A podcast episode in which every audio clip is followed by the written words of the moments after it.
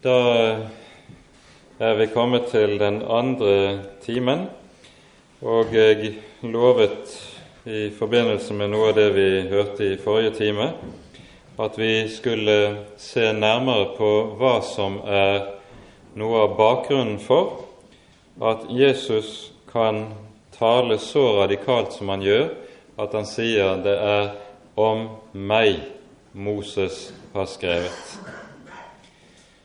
For det gir jo sannelig grunn til å undres når Jesus taler sånn som han gjør i den sammenhengen.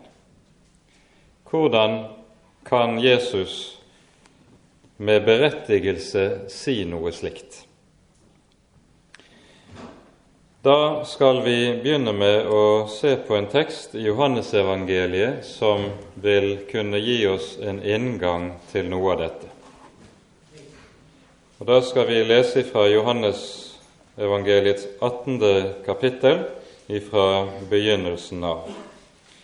Vi hører da om det som skjer etter at disiplene sammen med Jesus har gjort seg ferdig med påskemåltidet, og så går de ut i Getsemane. Da Jesus hadde talt dette, gikk han ut med sine disipler over bekken Kedron der var det en hage, og i den gikk han selv og hans disipler inn. Men Judas, som forrådte ham, kjente også stedet, for Jesus samledes ofte der med sine disipler.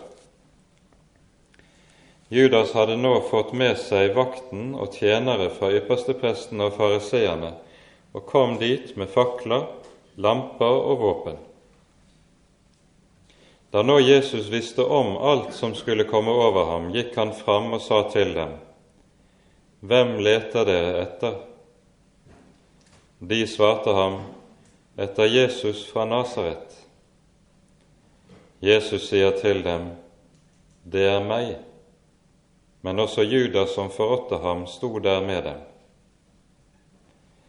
Da han nå sa til dem, Det er meg, vek de tilbake og falt til jorden. Han spurte dem da atter, Hvem leter dere etter? De sa, Etter Jesus fra Nasaret. Jesus svarte, Jeg sa dere jo at det er meg. Er det da meg dere leter etter, så la disse gå, for at det ord skulle oppfylles som han hadde sagt jeg mistet ikke én av dem du har gitt meg. Amen. Det vi her hører, er jo en underlig fortelling.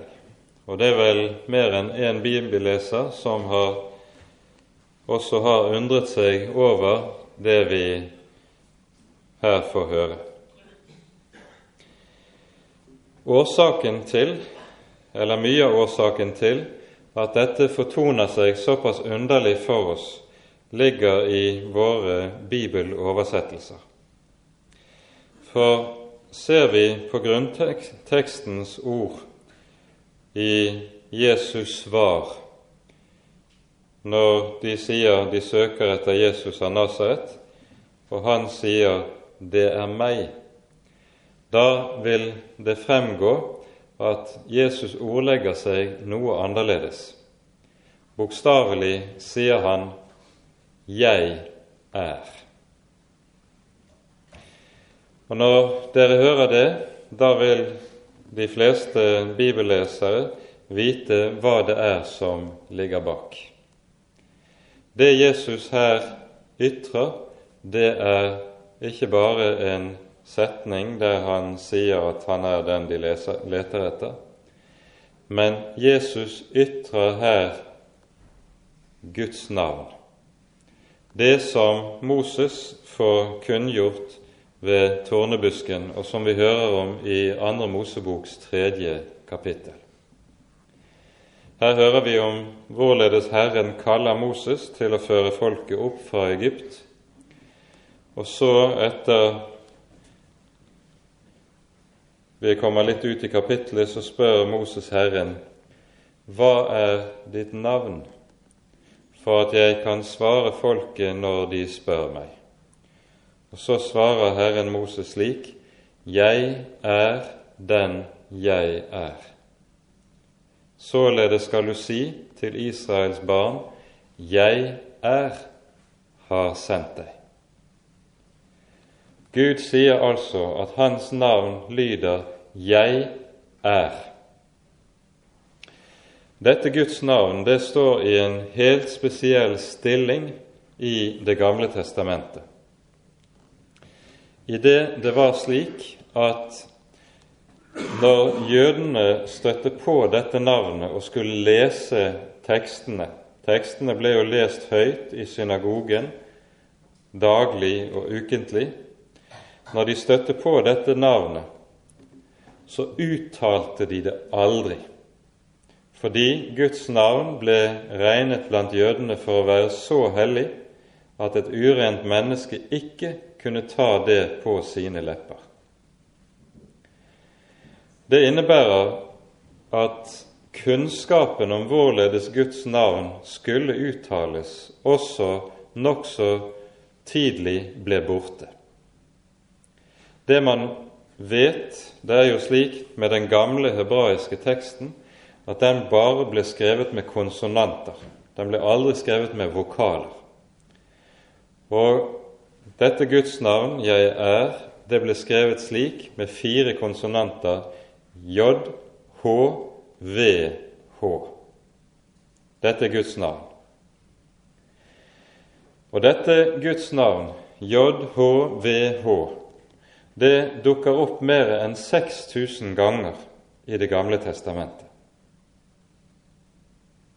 Hva gjorde da jødene når de støtte på dette navnet i tekstene, når de ikke fikk lov til å uttale det? Det de gjorde, det var at de satte inn et annet navn eller et annet ord i stedet. På hebraisk heter det Adonai, og det betyr, når du oversetter det til norsk, Herren. Derfor kan du vite når du støter på navnet Herren i Det gamle testamentet, så er det egentlig gudsnavnet Jeg er som ligger bak i Bibelens grunntekst. Herren er navnet som ble satt inn fordi en av ærbødighet for Guds navnet ikke ville ta det på sine lepper. Dette innebærer da at også på Jesu tid og blant jødene den gang så var det slik at Guds navn aldri ble uttalt. Men det Jesus her gjør, det er at han altså uttaler navnet og sier 'Jeg er'. Og det får til følge at hele denne væpnede skaren som kommer for å gripe Jesus, faller ned for Jesu føtter. Her står Jesus alene, ubevæpnet. Der er med han tre av disiplene, og de har ikke så veldig mye å stille opp med.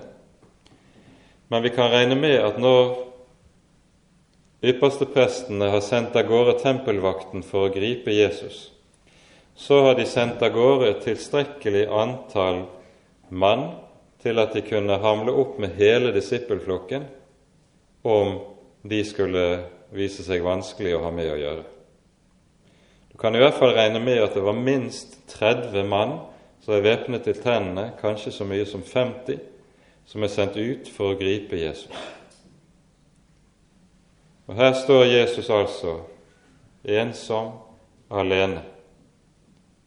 30-50 mann som står der væpnet og skal gripe ham, og sier 'Jeg er'. Og så faller alle sammen til jorden foran ham. Det vi forstår skjer her, det er at i et glimt, så får disse, idet Jesus uttaler navnet og sier hvem han er, så får de også i et glimt se hvem det er de har med å gjøre. I Jesus har de med Herren, Israels Gud, å gjøre. For når Jesus bruker det hellige gudsnavnet om seg selv, så sier han jo dermed 'Jeg er Israels Gud. Jeg er den Gud som åpenbarte seg for Moses i tårnebusken. Jeg er den Gud som førte Israel opp fra Egypten og gikk foran dem i en skystøtte om dagen og en ildstøtte om natten. Jeg er den Gud som ga min lov til folket ved Sinai berg. Jeg er. Det disse står overfor, om de er aldri så mye væpnet, det at de står overfor Han som er Gud, himmelens og jordens skaper, den evige og allmektige. Og om ham sier Skriften, hvem kan bli stående når han lar seg se? Intet kjød kan bli stående innenfor den hellige og den veldige. For ham blir ethvert sverd og ethvert spyd blir intet annet enn papirlapper i et bål. Det er intet, og det kan intet gjøre, for her står de overfor den allmektige.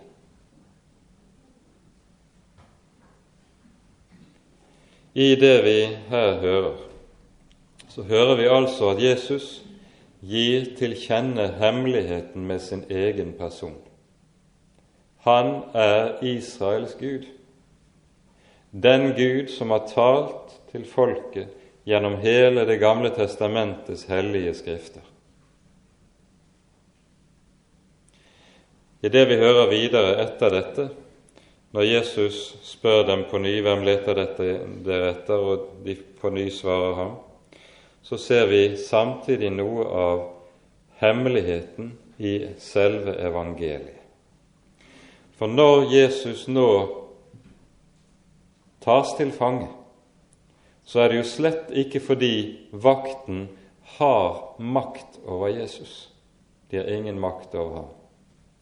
Men det er bokstavelig talt fordi han gir seg selv i deres hender.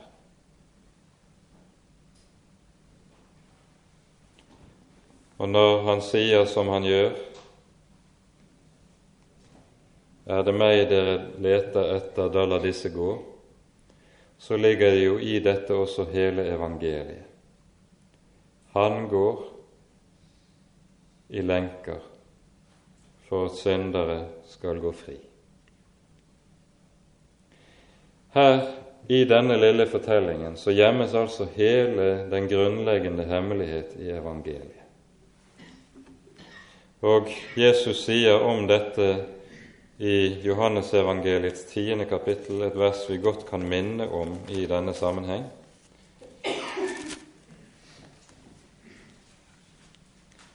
Vi hører sånn i vers 17 og 18. Derfor elsker Faderen meg, fordi jeg setter mitt liv til for å ta det igjen. Ingen tar det fra meg, men jeg setter det til av meg selv. Jeg har makt til å sette det til, og jeg har makt til å ta det igjen. Det er nettopp det Jesus gjør her i Getsemane. Han gir seg selv i deres hender, for de har ingen makt over ham. Hele poenget i det vi altså har pekt på her, er at det hellige gudsnavnet, det er det navnet Jesus anvender på seg selv. Og det gjør han fordi han er den navnet sier han er. Han er Herren, Israels Gud. Har vi først fått øye på denne sak, så vil vi se at dette er noe som går igjen en rekke steder i Det nye testamentet. Og vi vil peke på et par sentrale ord. Vi hopper først til Johannesevangeliets åttende kapittel. Her hører vi på ny Jesus er i stridssamtale med en gruppe jøder. Og så leser vi slik fra vers 56. Abraham, deres far, frydet seg til å se min dag, og han så den og gledet seg. Jødene sa da til ham, du er ennå ikke 50 år og har sett Abraham. Jesus sa til dem, sannelig, sannelig, sier jeg dere, før Abraham ble til, er jeg. Bokstavelig står det igjen, ikke sånn som det er oversatt, men det står 'Jeg er'. Før Abraham ble til, 'Jeg er'. Jesus anvender det hellige navnet på seg selv. Og dette er i en jødes øyne blank gudsbespottelse, og følgelig er det vi hører i det følgende verset de tar opp stein for å henrette ham. Dette er utålelig, at et menneske bruker gudsnavnet på seg selv. Vi kan også peke på vers 23 og 24 i det samme kapittelet. Her sier Jesus slik om seg selv.: Dere er nedenfra, jeg er ovenfra. Dere er av denne verden, jeg er ikke av denne verden. Derfor sa jeg til dere, dere skal dø i deres synder. For tror dere ikke at det er meg, dvs. Si, som det er oversatt i Norsk Bibels nye oversettelse, tror dere ikke at jeg er den jeg er, da skal dere dø i deres synder. Her legger vi merke til et par ting. I vers 23 så stiller Jesus seg på skaperens side, ikke skapningens. Når han sier 'Dere er av verden, jeg er ikke av verden', så sier han om seg selv 'Jeg er ikke skapt'. Jeg er ikke skapning, jeg er Gud. Dernest så sier han altså i vers 24 om seg selv 'Jeg er den jeg er', og legger til 'Tror dere ikke at jeg er den jeg er', skal dere dø i deres synder. Din og min evige frelse avhenger altså av at vi erkjenner Jesu person, at han er dette, at han er Gud, at han er Herren.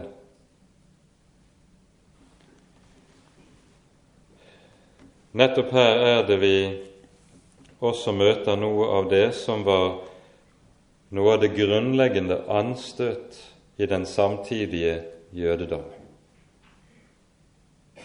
I 1. Korinterbrevs 2. kapittel så sies det om Kristus som dør på korset. Han kalles dermed et bestemt navn. Han kalles Herlighetens Herre.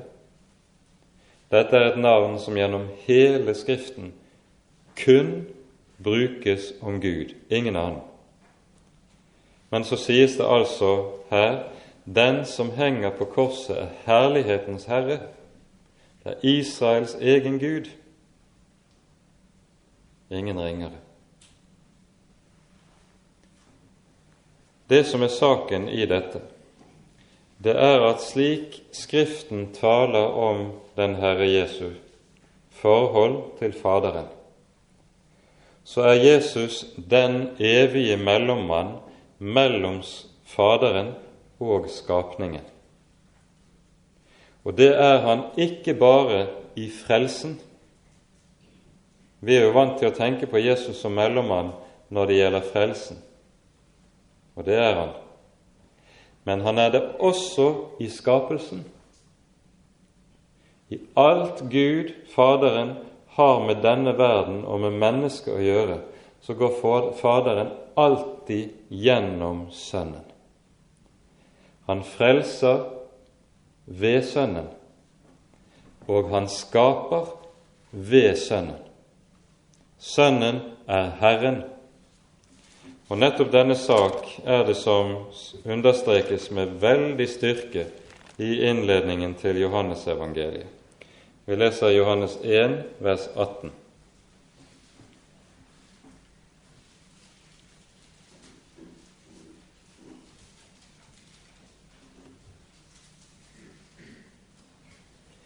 Ingen har noensinne sett Gud.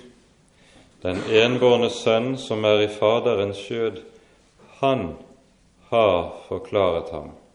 Eller skulle vi heller oversatt kanskje han har åpenbaret ham. Den evige Fader er skjult fra evighet til evighet. Men han åpenbarer seg for menneskene i Sønnen. Og det gjør han ikke bare i den nye pakts tid. Han gjør det også i den gamle pakts tid. Gjennom hele den gamle pakt er det Sønnen som forklarer Faderen. Jesus er Herren. Han er den Herre som talte til Moses ut av tårnebusken. Han er den Herre som åpenbarte seg for Abraham. Dra bort fra ditt land og ditt folk og din fars hus. Sånn kan vi regne opp. Han er Herren. Dette som vi her har pekt på, er det da også som er selve hovedpoenget i de grunnleggende 'jeg er'-ordene i Johannes evangeliet, som vi husker godt alle sammen. Jeg er livets brød. Jeg er døren. Jeg er den gode hyrde. Jeg er oppstandelsen og livet, osv. Det vi har lett for å gjøre når vi hører disse ordene, det er at vi fester blikket på predikatet, nemlig på ordene døren, oppstandelsen, livet osv. Og, og de er viktige nok. Men det som er det viktigste i disse ordene, er nettopp at Jesus sier 'Jeg er' om seg selv.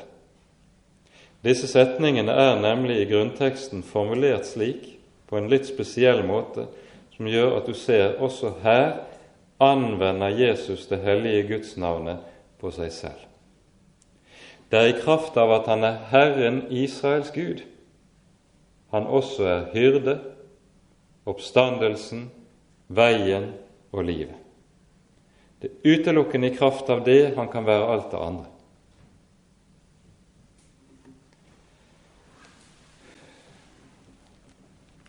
Ut av det vi her har pekt på, så fremgår det veldig tydelig også hvorfor den første kristne trosbekjennelsen kom til å lyde sånn som den gjorde. Hvorledes lød den? Den var meget enkel og du møter den en rekke steder i Det nye testamentet. Den lød slik Jesus Kristus er Herre. Helst skulle vi sagt, eller latt det stå for tydelighetens skyld, Jesus Kristus er Herren. For i denne setningen blir dette veldige paradoks stående. På den ene side en fattig fattig tømmermannssønn fra en filleby i Galilea. Og på den andre siden den evige, den hellige, Han som er himmelens og jordens skaper. Disse to i én og samme person. Et større paradoks kan ikke tenkes. Men dette var nettopp den første kristne trosbekjennelsen. Jesus Kristus er Herren. Dersom du i ditt hjerte tror og med din munn bekjenner at Jesus er Herren, da skal du bli frelst. Slik taler Skriften. Dette førte til det som vi her peker på, at når de første kristne leste Det gamle testamentet, så fant de Jesus ikke bare der hvor vi er vant til å lese direkte Messias-profetier. Men de fant den Herre Jesus nettopp der hvor de møtte det hellige gudsnavnet Herren. Og da skjønner du hvorfor Jesus kan si som han gjør. Det er om meg Moses har skrevet. Og at det nettopp var slik de første kristne leste Det nye testamentet, det finner vi en rekke vitnesbyrd på nettopp i vår bibel. Vi skal vise to eksempler. Vi slår opp først i Filippabrevets annet kapittel.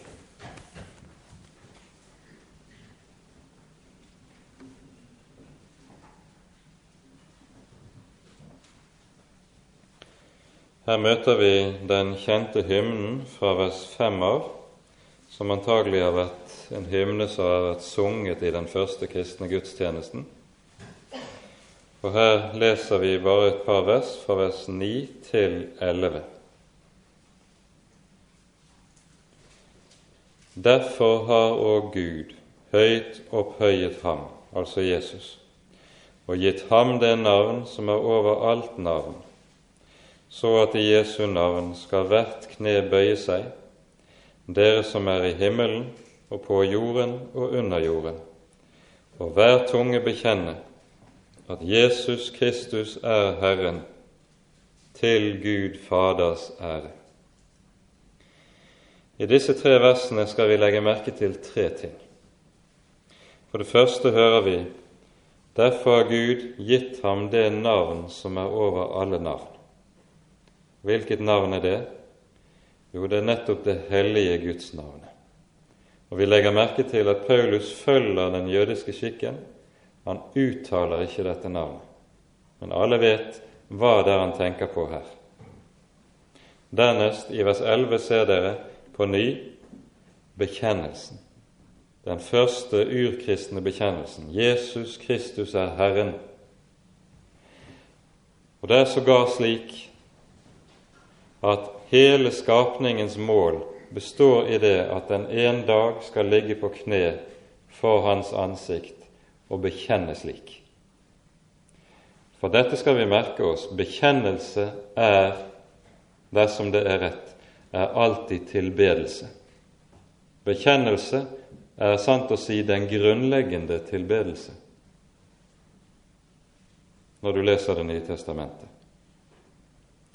For det tredje, det vi leser i vers 10. I Jesu navn skal hvert kne bøye seg, dere som er i himmelen, på jorden og under jorden. I dette verset siterer Paulus fra Det gamle testamentet.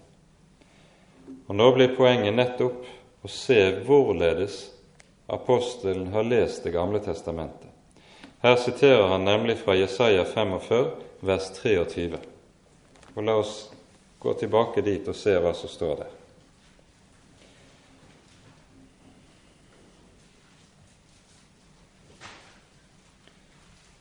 Ved meg selv har jeg svoret. Et sannhetsord er utgått av min munn, et ord som ikke skal vende tilbake. For meg skal hvert kne bøye seg, og hver tunge sverge troskap. Dette er det altså apostelen siterer fra Filippane 2,10. Og nå hører vi at det er i Jesu navn hvert kne skal bøye seg. Apostelen har med andre ord lest Jesaja 45 slik at den som er det talende subjekt i Jesaja 45, det er Jesus. Jesus før sitt komme i kjød og blod. Han er Herren. Det er poenget. Et eksempel til henter vi frem, og da fra Johannesevangeliets tolvte kapittel.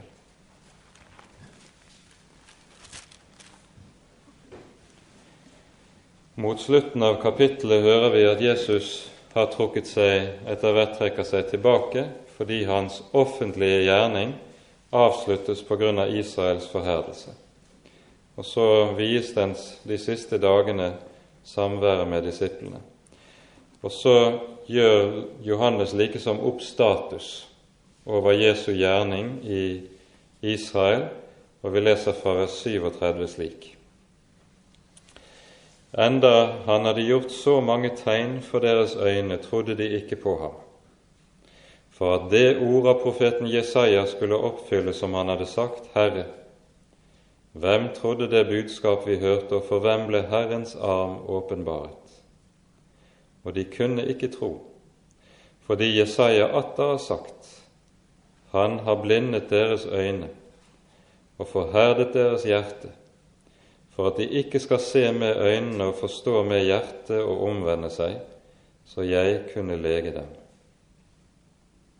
Dette sa Jesaja fordi han så hans herlighet og talte om ham. Her sies det altså at Jesaja så Kristi herlighet og talte om ham. Men legg nå merke til hvilket kapittel det er Johannes siterer fra her i vers 40. Han siterer fra Jesaja 6. Og Der er det vi hører det som gjerne kalles for Jesajas kallelsesopplevelse, der det står I det år kong Ussias døde, sier profeten, så jeg Herren sitte på en høy, høy trone og slepet av hans kåpe fylte tempelet. Omkring ham sto serafer. Seks vinger hadde hver, med to skjulte de sine øyne, med to sine føtter, med to fløy de, og de ropte Hellig, hellig, hellig. Det Johannes her altså sier, er at den Herre som Jesaja ser trone i helligdommen i tempelet, det er Jesus Kristus. Det er Hans herlighet han har vært øyenvitne til. Slik leste altså de første kristne sitt gamle testamente. Og Da skjønner du at det er ikke så veldig vanskelig å finne Kristus i Det gamle testamentet. For der Guds navnet er, der er Jesus.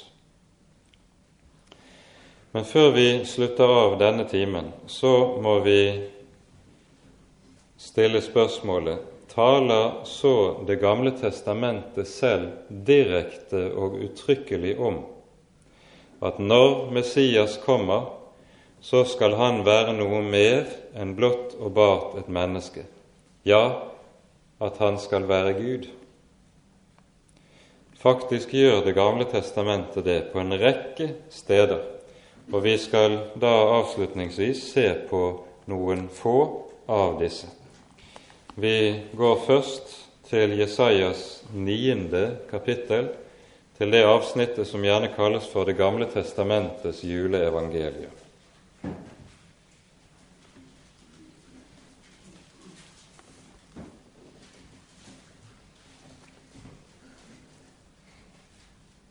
Her leser vi fra vers 6.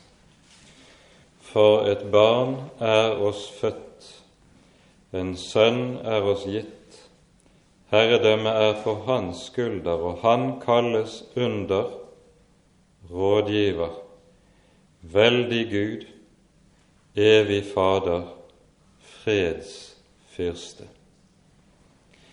Etter hebraisk tankegang er det slik at det å kalles noe, det betyr å være. Når han kalles veldig Gud, er det fordi han er veldig Gud. Når han kalles evig Fader, er det fordi han er dette. Og dette sies altså om et lite barn som er født inn i Guds folk. Og så er det slik at hele dette avsnittet fra kapittel 6 i Jesaja-boken og ut til og med kapittel 12, det handler så å si bare om dette barn, hvordan dette barn kommer for å frelse et folk som faller fra sin Gud. Vi hopper så til Jeremia-bokens 23. kapittel.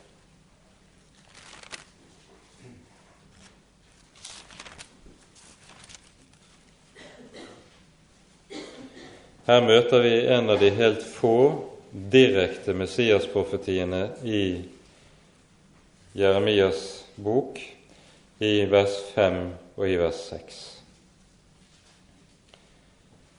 Se, dager kommer, sier Herren, da jeg vil la stå frem for David en rettferdig spire.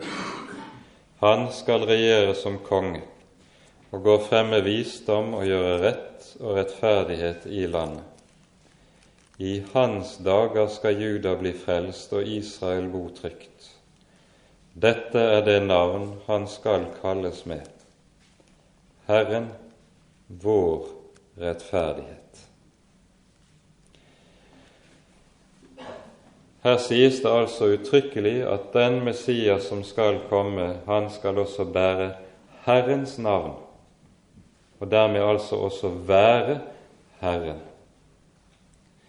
En finsk israelsmisjonær forteller om han hadde samlet en gruppe jødiske ungdommer til å studere Det gamle testamentets Messias-profetier.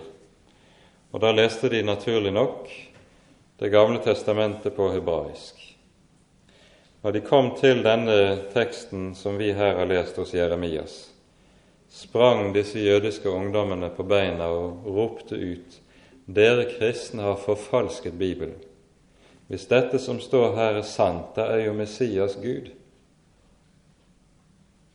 Han svarte dem stille og enkelt, gå hjem og les i deres egne bibler, og kom tilbake og se hva dere leser. Og Noen dager senere var de på døren hos ham. Det sto i våre bibler òg Messias er Gud. Men det skulle mye til for å overvinne denne fordom, som alltid har vært et grunnleggende anstøt for det jødiske folk. Vi slutter av med å lese fra profeten Zakaria i det tolvte kapittel.